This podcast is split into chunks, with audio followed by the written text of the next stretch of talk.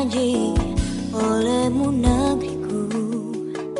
Suci dan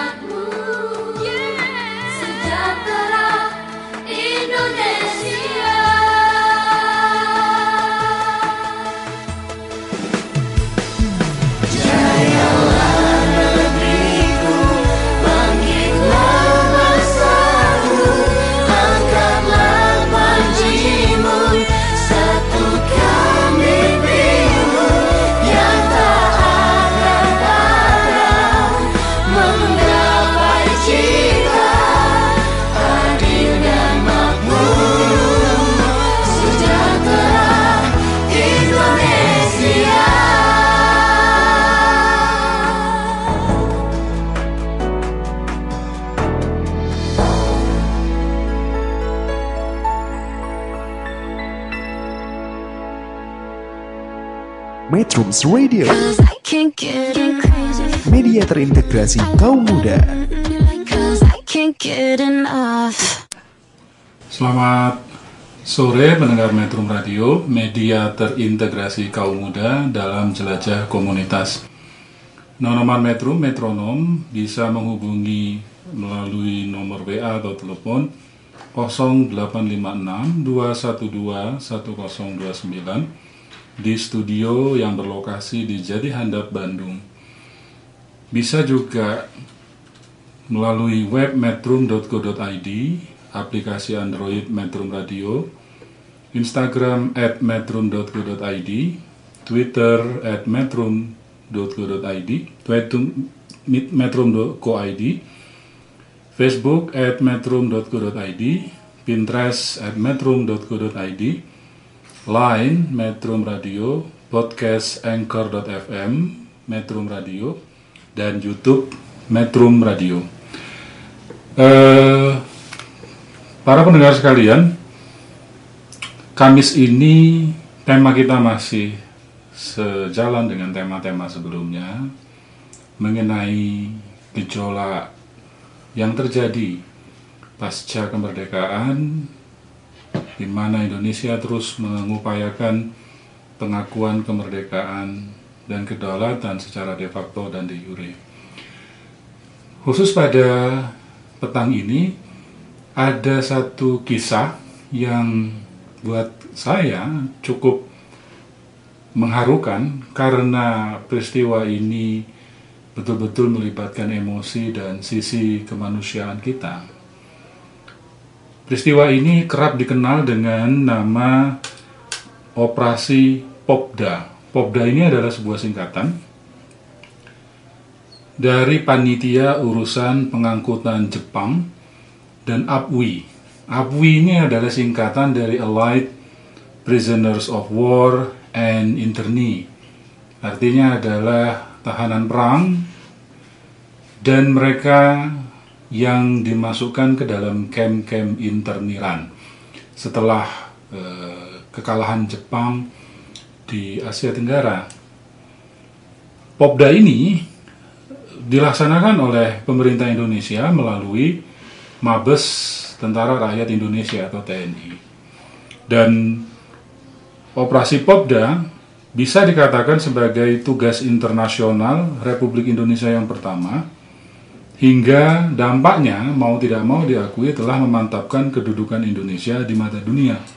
Karena Mabes Tentara Rakyat Indonesia pada saat itu dianggap berhasil melakukan pemulangan puluhan ribu baik itu tentara ex tentara Jepang dan orang-orang Belanda dan Indo Belanda yang tadinya dimasukkan oleh Jepang ke camp interniran yang jumlahnya tidak sedikit ada di Bandung, Jakarta, Malang dan Surabaya. Ini eh, apa di, di, di, dikelola dengan baik oleh eh, Mabes TRI pada saat itu untuk dikembalikan ke negaranya masing-masing.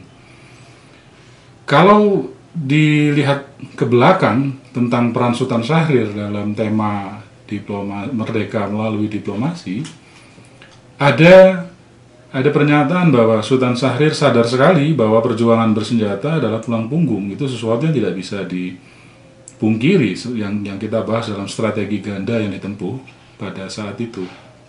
Namun menurut Syahrir sendiri bahwa internasionalisasi masalah Indonesia hanya akan dapat dicapai melalui jalan diplomasi.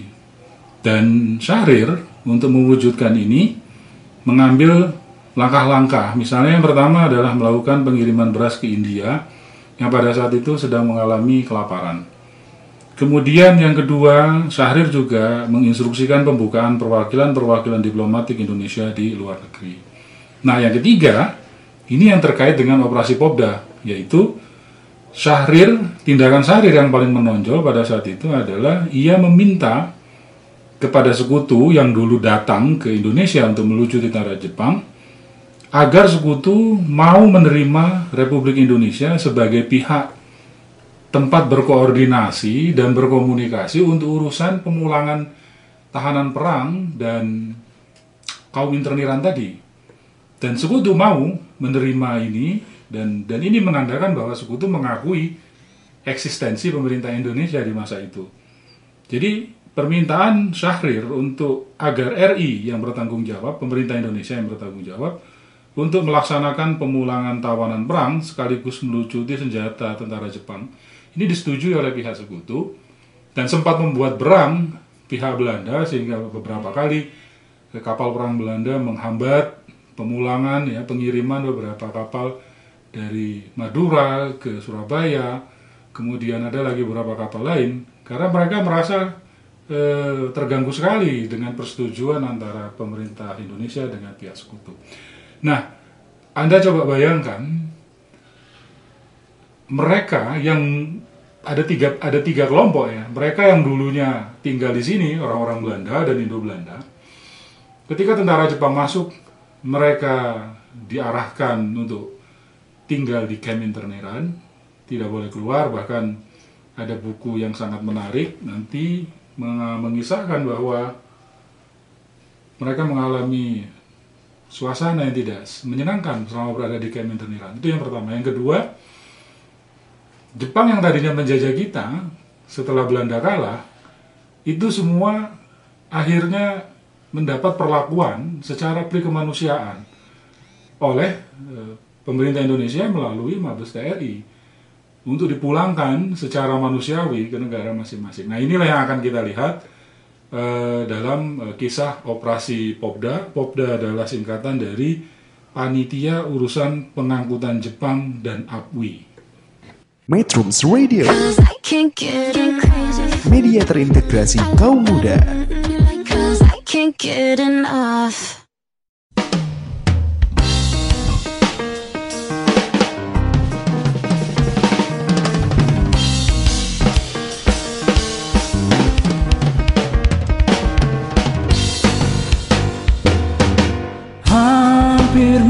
Malam di Jogja.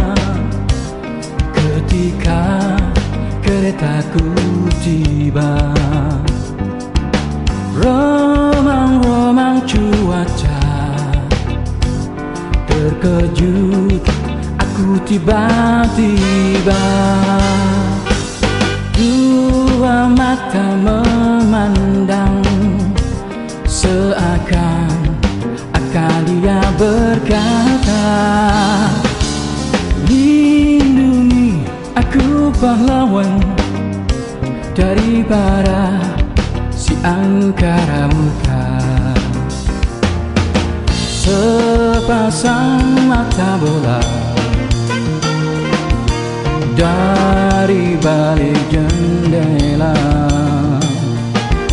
Datang dari Jakarta Medan Perwira. Kagumku melihatnya. Sinar sang perwira rela. Hati telah terpikat. Semoga kelak kita berjumpa pula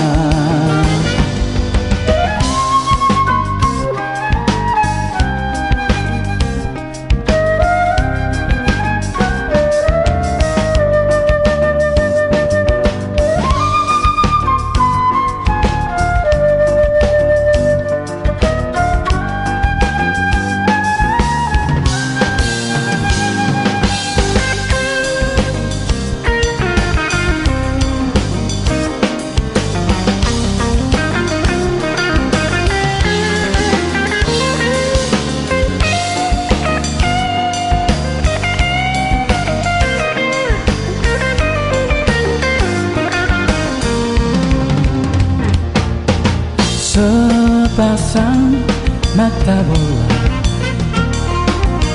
Dari balik jendela. Datang dari Jakarta. Menuju Medan Perwira. Kagumku melihatnya. Sinar sang perwira rela Hati telah terpikat Semoga kelak kita berjumpa pula. Hati telah terpikat Semoga kelak kita berjumpa pula.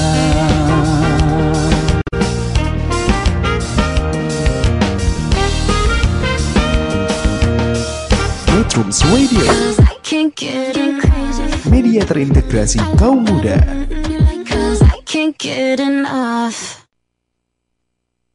Sedikit menurut catatan yang ditulis oleh Voskuil saya nggak tahu bahasanya benar apa enggak Robert Voskuil ya, menulis buku Bandung Citra Sebuah Kota buku ini lengkap sekali menggambarkan bagaimana peristiwa Jepang masuk ke kota Bandung terutama dari sini kita bisa melihat dari mana lahirnya hampir sekitar 70.800 tawanan perang.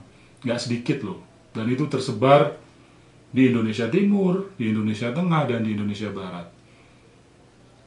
Kita yang di Bandung membayangkan peristiwa ini sekitar bulan Maret tahun 1942. Voskuil menggambarkan ini dengan sangat eh, emosional ya.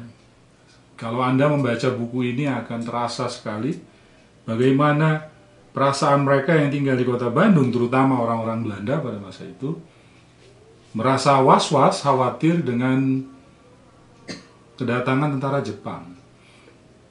Sebelum tentara Jepang masuk total ke kota Bandung, di Bandung selalu diperingatkan agar mematikan lampu di malam hari, dengan tujuan agar pesawat-pesawat tempur Jepang tidak bisa menandai kota Bandung.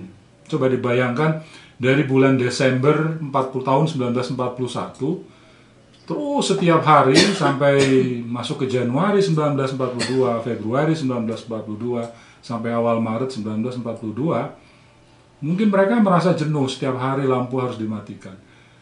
Dan puncaknya adalah Anda bisa membayangkan ketika tentara Belanda mulai terdesak di kota Bandung setelah secara bertahap dikuasai Bali, Timor, Kalimantan, Sumatera Selatan terutama pada saat itu, Malaka Selatan yang paling banyak di pertama kali diduduki tentara Jepang merangsek perlahan-lahan ke karena Bandung pada saat itu adalah eh, pertahanan yang paling terakhir di di Hindia Belanda karena pada saat itu kan memang dirancang menjadi ibu kota Hindia Belanda. Bayangkan ketika sedang terjadi perundingan di Subang, di sekitar daerah Kalijati antara perwakilan pihak Jepang dan pihak Belanda, masyarakat eh, terutama masyarakat eh, asing yang tinggal di kota Bandung saat itu sudah hampir tidak peduli dengan dengan peringatan agar mematikan lampu dan mereka pun tahu sedang terjadi perundingan dan tidak tahu tapi hasilnya bagaimana. Itu mereka digambarkan oleh Voskuil keluar dari rumah, mereka pergi ke tempat-tempat hiburan, mereka ya menjalani hidup normal seperti biasa, makan, minum, sampai mereka tidak tahu bahwa sebentar lagi tentara Jepang akan masuk ke kota Bandung dan akan terjadi perubahan besar dalam perjalanan kehidupan mereka. Perubahan besar apa yang terjadi? Karena nggak lama setelah itu, setelah terjadi perundingan antara Jenderal Terporten dengan pihak eh, dengan Imam Mura, kalau tidak salah di sana di Subang, mereka menyerah tak bersyarat Belanda dan ini titik baliknya. So, apa yang tadi saya sebutkan sampai 70.800 tawanan itu termasuk yang di Bandung. Mereka di, di- di- dikirim ke camp-camp interniran. Selain 70.800 tawanan perang ini, ada juga lima, sekitar 56.500 tentara kenil. Termasuk Angkatan Laut dan kelompok bantuan yang dimiliterkan. Itu baru dua komponen. Komponen ketiganya, ada 2.800 orang Australia. Selanjutnya komponen yang keempat ada kurang lebih 10.600 orang Inggris yang kebanyakan dari Jawa Timur. Kemudian ada 900 orang Amerika. Dan dari jumlah yang besar ini lebih dari separuhnya ada di Jawa Barat. Dan dari semua itu kurang lebih 70% atau sekitar kurang lebih 25 ribu orang itu ada di Bandung. Dan lainnya ada di wilayah Priangan. Coba Anda bayangkan mereka yang tadinya tinggal di kota Bandung dalam keadaan ya hidup normal saja dan tidak pernah menyangka bahwa tentara Jepang akhirnya bisa mengalahkan Belanda dan dengan demikian otomatis hidup mereka juga berubah. Nah orang-orang inilah yang nanti akan menjadi eh, apa tanggung jawab pemerintah Indonesia antara tahun 1946 sampai tahun 1947 yang dikelola oleh eh, operasi Popda yang tadi singkatannya adalah Panitia Urusan Pengangkutan Jepang dan APWI. Nah, ini ini yang akan kita lihat nanti berikutnya bagaimana Popda dan apa operasinya. Metrums Radio, media terintegrasi kaum muda.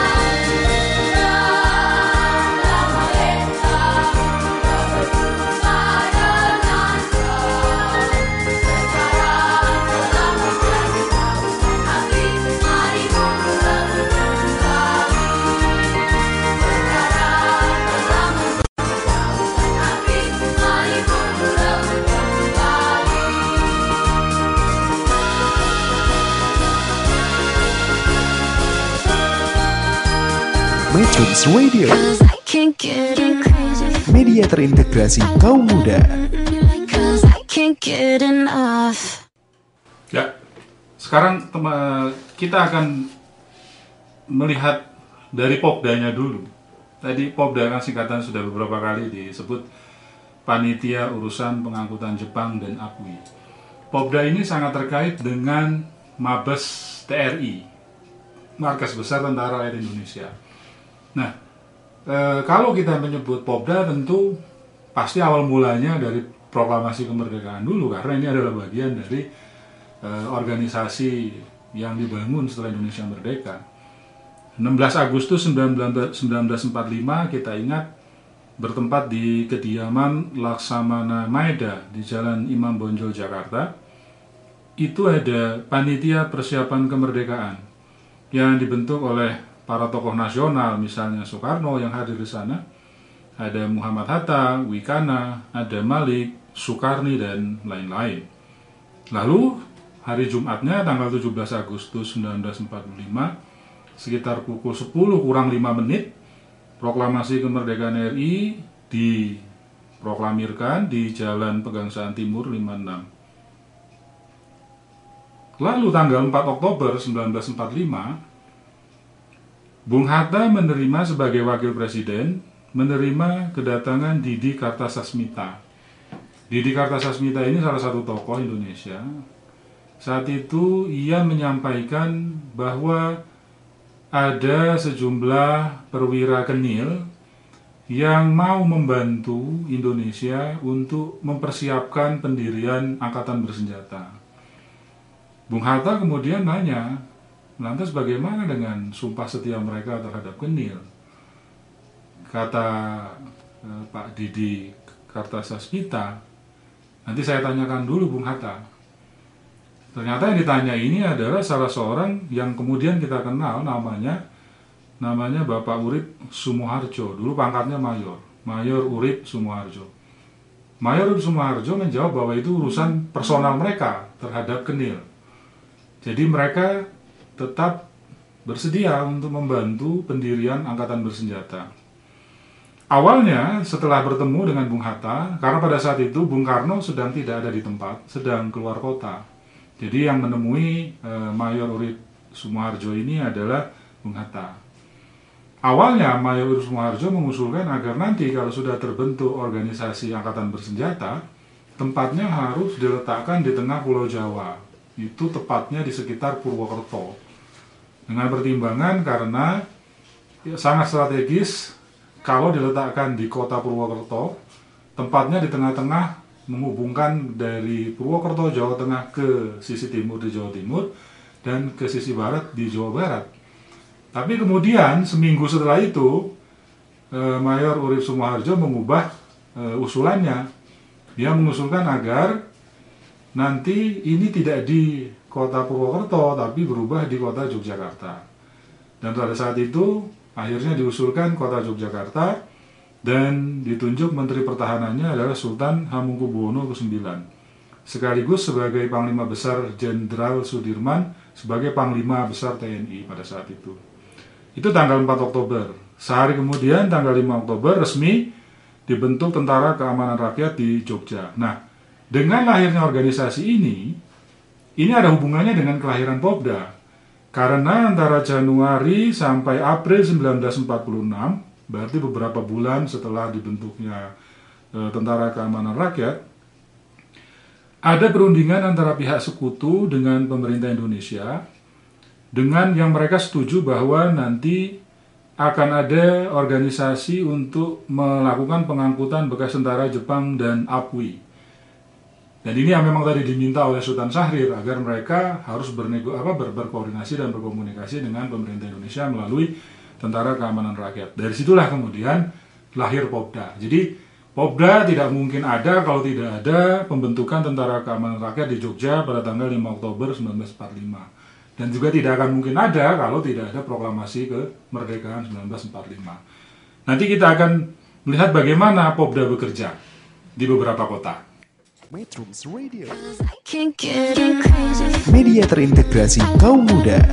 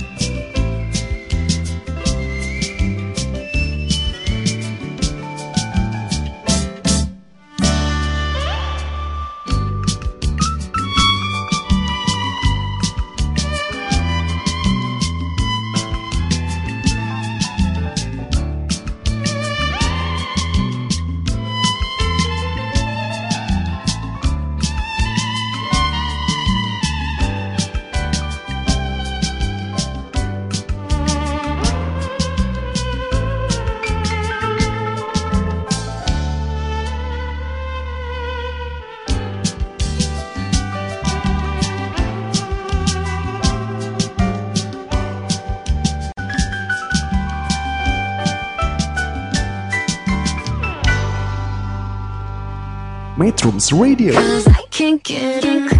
media terintegrasi kaum muda. Ya, kita kembali lagi dengan kisah Popda, panitia urusan pengangkutan Jepang dan APWI. Eh, tadi diingat-ingat lagi bahwa Popda ini lahir sebagai kesepakatan ya antara dalam perundingan awal dengan pihak sekutu dengan pemerintah Indonesia yang menghasilkan persetujuan yang harus dilaksanakan oleh markas besar TKR atau Tentara Keamanan Rakyat dalam bentuk organisasi Popda dengan tugas untuk melakukan pengangkutan bekas tentara Jepang dan APWI. Tadi ada begitu banyak kurang lebih 70.800 tawanan perang yang menjadi tanggung jawab pemerintah Indonesia warisan dari pemerintah eh, militer Jepang yang berkuasa di Indonesia saat itu. Ada di Jakarta, ada di Bandung, ada di Malang, ada di Surabaya, bahkan ada di Indonesia Timur. Maka kemudian Popda ini dipilih titik tengahnya. Kalau tadi TKR diusulkan oleh Mayor Sumarjo di Purwokerto, kalau Popda diusulkan titik tengahnya adalah di kota Solo. Maka Popda yang pertama didirikan adalah di kota Solo. Maka Solo ini jadi pusat Popda. Dan ini disetujui oleh Mabes TKR dan AFNE. AFNE ini adalah singkatan dari Allied Forces Netherlands East Indies. Dari Solo ini ada transportasi udara dan kereta api ke tempat transit. Jadi mereka dibawa dulu ke tempat transit untuk selanjutnya dari Pulau Jawa diantar ke Pulau Galang. Pulau Galang ini di dekat Selat Malaka. Di sini juga terdapat di Solo ini karena banyak sekali eh, apa APWI. Di sini ada PMI yang Palang Merah Indonesia pada saat itu sudah ada. Tanggung jawab mereka merawat bekas tawanan dan interniran. Di bulan Mei 1946 ada pesawat terbang yang sudah mengangkut para interniran ke Semarang untuk selanjutnya dibawa ke Pulau Galang. Ini adalah pemberangkatan yang pertama, dibawa dari Solo. Itu baru Solo, Popda pertama. Ada lagi Popda yang kedua di Malang. Jadi Malang juga jadi pusat pengumpulan APWI di Jawa Timur. Di Jawa Timur tadi disebutkan paling banyak adalah kebanyakan di Jawa Timur 900 orang dari Amerika yang kebetulan pada saat itu ada di sana mereka. Sebagian APWI dibawa ke Surabaya dan ada peristiwa kapal yang mengangkut APWI ke Pulau Galang ini sempat tadi sudah saya sampaikan dihambat ya oleh kapal perang Belanda yang namanya kapal Eversend karena ada hambatan di eh, penggunaan transportasi kapal, maka kemudian Popda mengganti dengan transportasi kereta. Itu yang kedua di Malang. Yang ketiga, ada Popda yang ketiga, ini di Tegal. Mengapa Tegal dipilih? Karena Tegal dianggap jadi pusat penampungan APWI khusus para interniran dan tawanan eh, perang Jepang yang berasal dari daerah pantai. Jadi kalau di Surabaya di, di Malang adalah khusus Jawa Timur, kemudian ini di Tegal khusus yang dari daerah pantai. Selanjutnya ada Popda yang keempat, ini di Probolinggo. Ini berfungsi khusus untuk mengangkut bekas tentara Jepang. Jadi tentara Jepang saja dari seluruh Pulau Jawa. Jadi ada Popda 1 di Solo, Popda 2 di Malang, Popda 3 di Tegal, Popda 4 di Probolinggo. Pada bulan April 1946, pemerintah untuk mendukung Popda ini menyerukan agar semua pihak membantu Popda dan ternyata ini dipatuhi. Termasuk pada saat itu ada Laskar Hizbullah, markas besarnya mematuhi dan mereka turut membantu TNI hingga tidak pernah lagi ada konflik dan provokasi di daerah. Demikian pula dengan Bung Tomo, kalau kita ingat nama Bung Tomo yang menggelorakan semangat perjuangan pada saat eh, perang 10 November. Ia juga dengan tegas dalam operasi Popda ini menyerukan agar semua pihak mendukung keberhasilan pelaksanaan transportasi bekas tentara Jepang dan APWI. Mengapa eh, seruan ini menjadi begitu penting oleh e, pemerintah, kemudian markas besar Laskar Hizbullah, kemudian juga didukung oleh Bung Tomo. Karena ada banyak hal di balik ini yang ternyata tidak mudah. Ada gangguan dari pihak Belanda dan juga ada dari sekelompok eh, apa sekelompok masyarakat yang pada saat itu melakukan provokasi terhadap eh, apa ex tentara Jepang dan interniran ini. Seperti apa terjadi peristiwa itu, nanti kita akan eh, bahas lebih lanjut. Metrums Radio. Media terintegrasi kaum muda.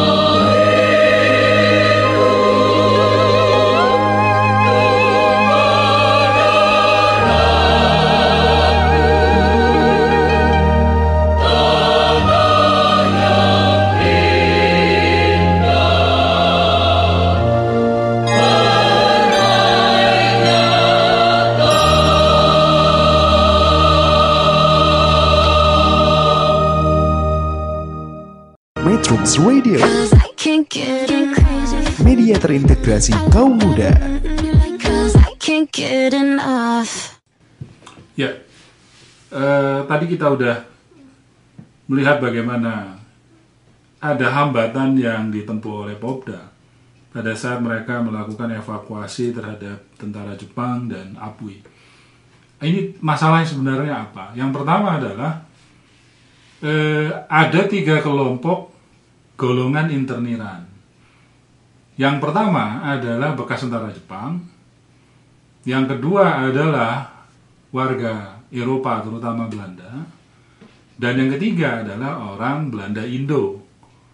Kalau tentara Jepangnya sendiri, karena sudah eh, kalah, dan mereka melihat betapa apa gegap gempitanya para pemuda mengorganisir diri pada saat itu untuk eh, mempertahankan eh, kemerdekaan republik mereka takut bahkan banyak di antara tentara Jepang ini me- apa, melakukan barter senjata kepada para organisasi pemuda yang pada saat itu memperjuangkan kemerdekaan jadi bayangkan tentara Jepang yang dulunya sangat berkuasa kemudian setelah kalah mereka eh, ngeri melihat eh, apa gegap gempitanya para pemuda ini. Nah kemudian yang kedua adalah dan mereka eh, eh, sebelum yang kedua mereka ini eh, rela untuk menginternir dirinya sendiri daripada jadi serangan eh, tidak bisa menjaga diri dari serangan di luar di luar camp tempat mereka tinggal. Kemudian yang kedua eh, orang-orang Belanda yang tadi diinternir oleh Jepang kemudian pemerintah Indonesia itu memutuskan menginternir mereka juga, memasukkan ke camp-camp interniran. Dan e, kalau tentara Jepang karena memang mereka ngeri melihat e, apa para ke, ke apa para pemuda yang berhasil mengorganisir diri dan bersenjata, dengan eh, eh, para warga Belanda ini berbeda, mereka mengeluhkan terutama mengapa mereka harus diinternir juga katanya gitu. Nah, di antara eh, orang-orang Belanda ini pada saat itu kan ada Belanda Indo juga. Nah, Belanda Indo ini pada saat zaman Jepang itu tidak digabungkan dengan orang Belanda Tulen gitu anggaplah. Karena Belanda me- eh, karena Jepang pada saat itu menarik orang-orang Belanda Indo untuk bergabung dengan eh, apa dengan dengan pribumi dengan tujuan agar bergabung dengan gerakan kemakmuran Asia Timur Raya. Dan mereka juga dimasukkan bahkan dalam Jawa Hokokai atau Badan Kebaktian Rakyat. Padahal warga Belanda Indo merasa lebih senang dianggap sebagai warga negara Belanda penuh dan ingin ikut direpatriasi kembali ke Belanda. Nah, masalahnya muncul ketika mereka ini dibebaskan, para penghuni camp ini dengan kedatangan Nika, mereka ini di, dicurigai dipersenjatai dan beroperasi di bawah Allied Military Administration Civil Affairs Branch. Jadi eh, ini bahaya kalau mereka dipersenjatai. Nah, karena itulah pemerintah RI menginternir orang-orang Belanda. Dan sekali lagi, mereka ini nggak terima kenapa mereka harus diinternir. Tadi ada gangguan terhadap Popda. Kita sudah tahu ada masalah dengan para internir. Ada tiga golongan internir. Eh, Kita ingat bahwa yang pertama revolusi itu mulai berkecamuk. Ada peristiwa 10 November 1945, muncul gejolak dan suasana anti Belanda di sebagian besar masyarakat Indonesia saat itu.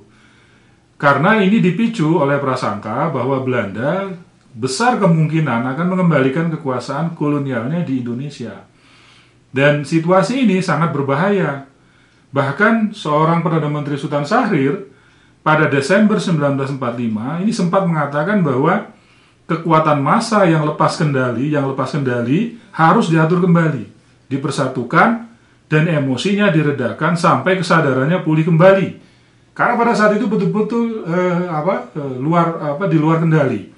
Bahkan seorang Bung Hatta wakil presiden juga meminta agar organisasi pemuda tidak main hakim sendiri dan agar efektif memang pemerintah Indonesia untuk melindungi mereka maka harus segera diadakan camp interniran. Nah, latar belakang yang pertama itu itu. Yang kedua, ada beberapa daerah di mana para pemudanya berinisiatif menyandera orang-orang Belanda. Bahkan kadang-kadang mereka salah ambil bukan orang Belanda, ada orang Amerika untuk menjadi jaminan karena ada beberapa warga mereka yang ditawan oleh tentara Belanda pada saat itu. Ini kan jadi sangat berbahaya. Kemudian ada tuduhan yang ketiga bahwa para pria Belanda yang cukup umur ini telah megang senjata, telah dipersenjatai. Ini kan makin bahaya lagi. Ada makin banyak tentara Belanda di Indonesia, dianggap seperti itu. Dan yang keempat, Pobda ini kan tujuannya memindahkan bekas tawanan dan interniran agar gampang dipindahkan, maka mereka harus dikumpulkan pada satu camp. Jadi sebelum diberangkatkan ke Pulau Galang menggunakan pesawat terbang, kapal laut atau kereta api, agar lebih gampang tentu mereka kumpul di satu tempat. Nah inilah yang tadi saya sampaikan di awal bahwa coba bayangkan tadinya tentara tentara orang Belanda tinggal di Bandung misalnya tadi, kemudian oleh tentara Jepang digiring ke camp interniran, kemudian pada saat Indonesia merdeka, baik tentara Jepang, baik Belanda semua digiring oleh kita ke camp interniran. Tapi kan tujuan kita adalah baik.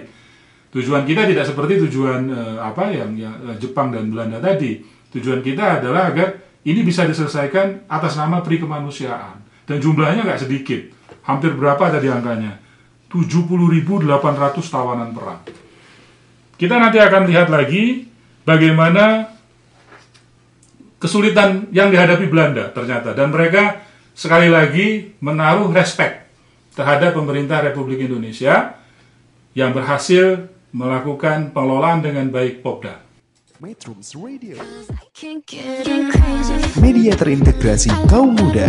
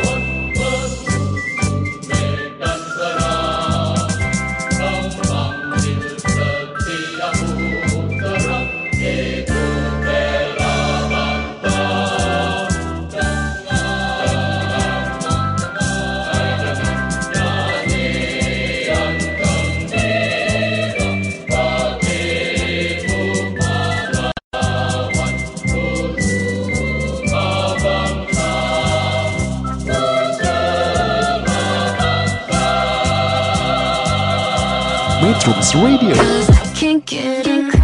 media terintegrasi kaum muda. Baik, Eh, kita memasuki sesi terakhir. Dari tadi saya beberapa kali mengulang bahwa pemerintah Indonesia melalui Mabes TRI pada saat itu me- me- lebih mengutamakan sisi kemanusiaan. Ini adalah sikap kita bangsa Indonesia yang saya pikir memiliki nilai luhur, memperlakukan apa korban perang dengan menjunjung tinggi nilai kemanusiaan. Perlu kita eh, ketahui bahwa dalam operasi Popda ini pemerintah Indonesia telah memberikan banyak sekali kelonggaran kepada Belanda. Kembali lagi atas nama Pri Kemanusiaan. Dan ternyata itu telah banyak membantu meringankan situasi dan kondisi penderitaan para warga Belanda terutama yang ada di kamp interniran. Dan ternyata pada waktu itu pemerintah Belanda mengalami kesulitan untuk menyediakan akomodasi kamp transito yang baru untuk mereka sehingga ini mereka bisa mengangkut dengan lancar ini ternyata transportasinya kurang.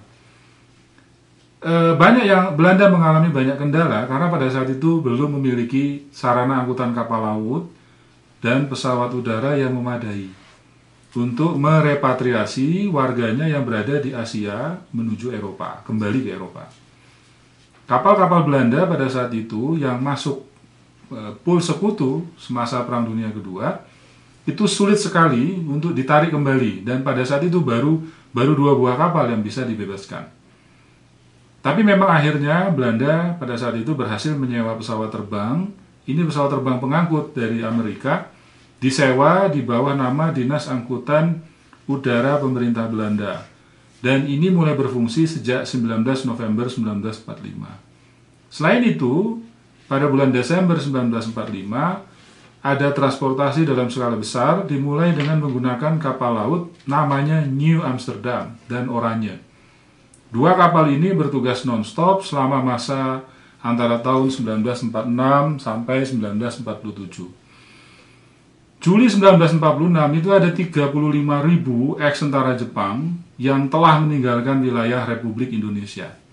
Kemudian ada 15.000 AFWI yang diangkut melalui udara dan ada 19.000 AFWI yang diangkut menggunakan kereta api. Ini semua menandai berakhirnya pula operasi Popda. Operasi ya, Popda ini yang tadi saya sampaikan bahwa ini adalah Indonesia berarti telah melaksanakan tugas internasional yang pertama hingga kemudian memantapkan kedudukan Indonesia di mata dunia. Eh, dari operasi Popda ini eh, terakhir saya ingin mengatakan bahwa pemerintah RI melalui Popda yang dijalankan oleh Mabes TNI pada saat itu mau tidak mau harus diakui telah berhasil menjalankan operasi kemanusiaan terhadap tawanan perang ex tentara Jepang dan para interniran Belanda di Indonesia. Dan ini, saya lagi, terjadi hanya dalam usia dua tahun kemerdekaan Republik Indonesia. Dengan segala kekurangan, dengan segala keterbatasan yang dimiliki oleh kita pada saat itu, kita telah menunjukkan sikap yang menjunjung tinggi beri kemanusiaan. Kita akan ketemu lagi minggu depan sebuah peristiwa yang tidak kalah serunya dalam melihat bagaimana eh, bangsa Indonesia mempertahankan kemerdekaan dan kedaulatan yaitu Linggarjati sebagai sebuah terobosan. Terima kasih, selamat malam. Metrums Radio Baby, let's go.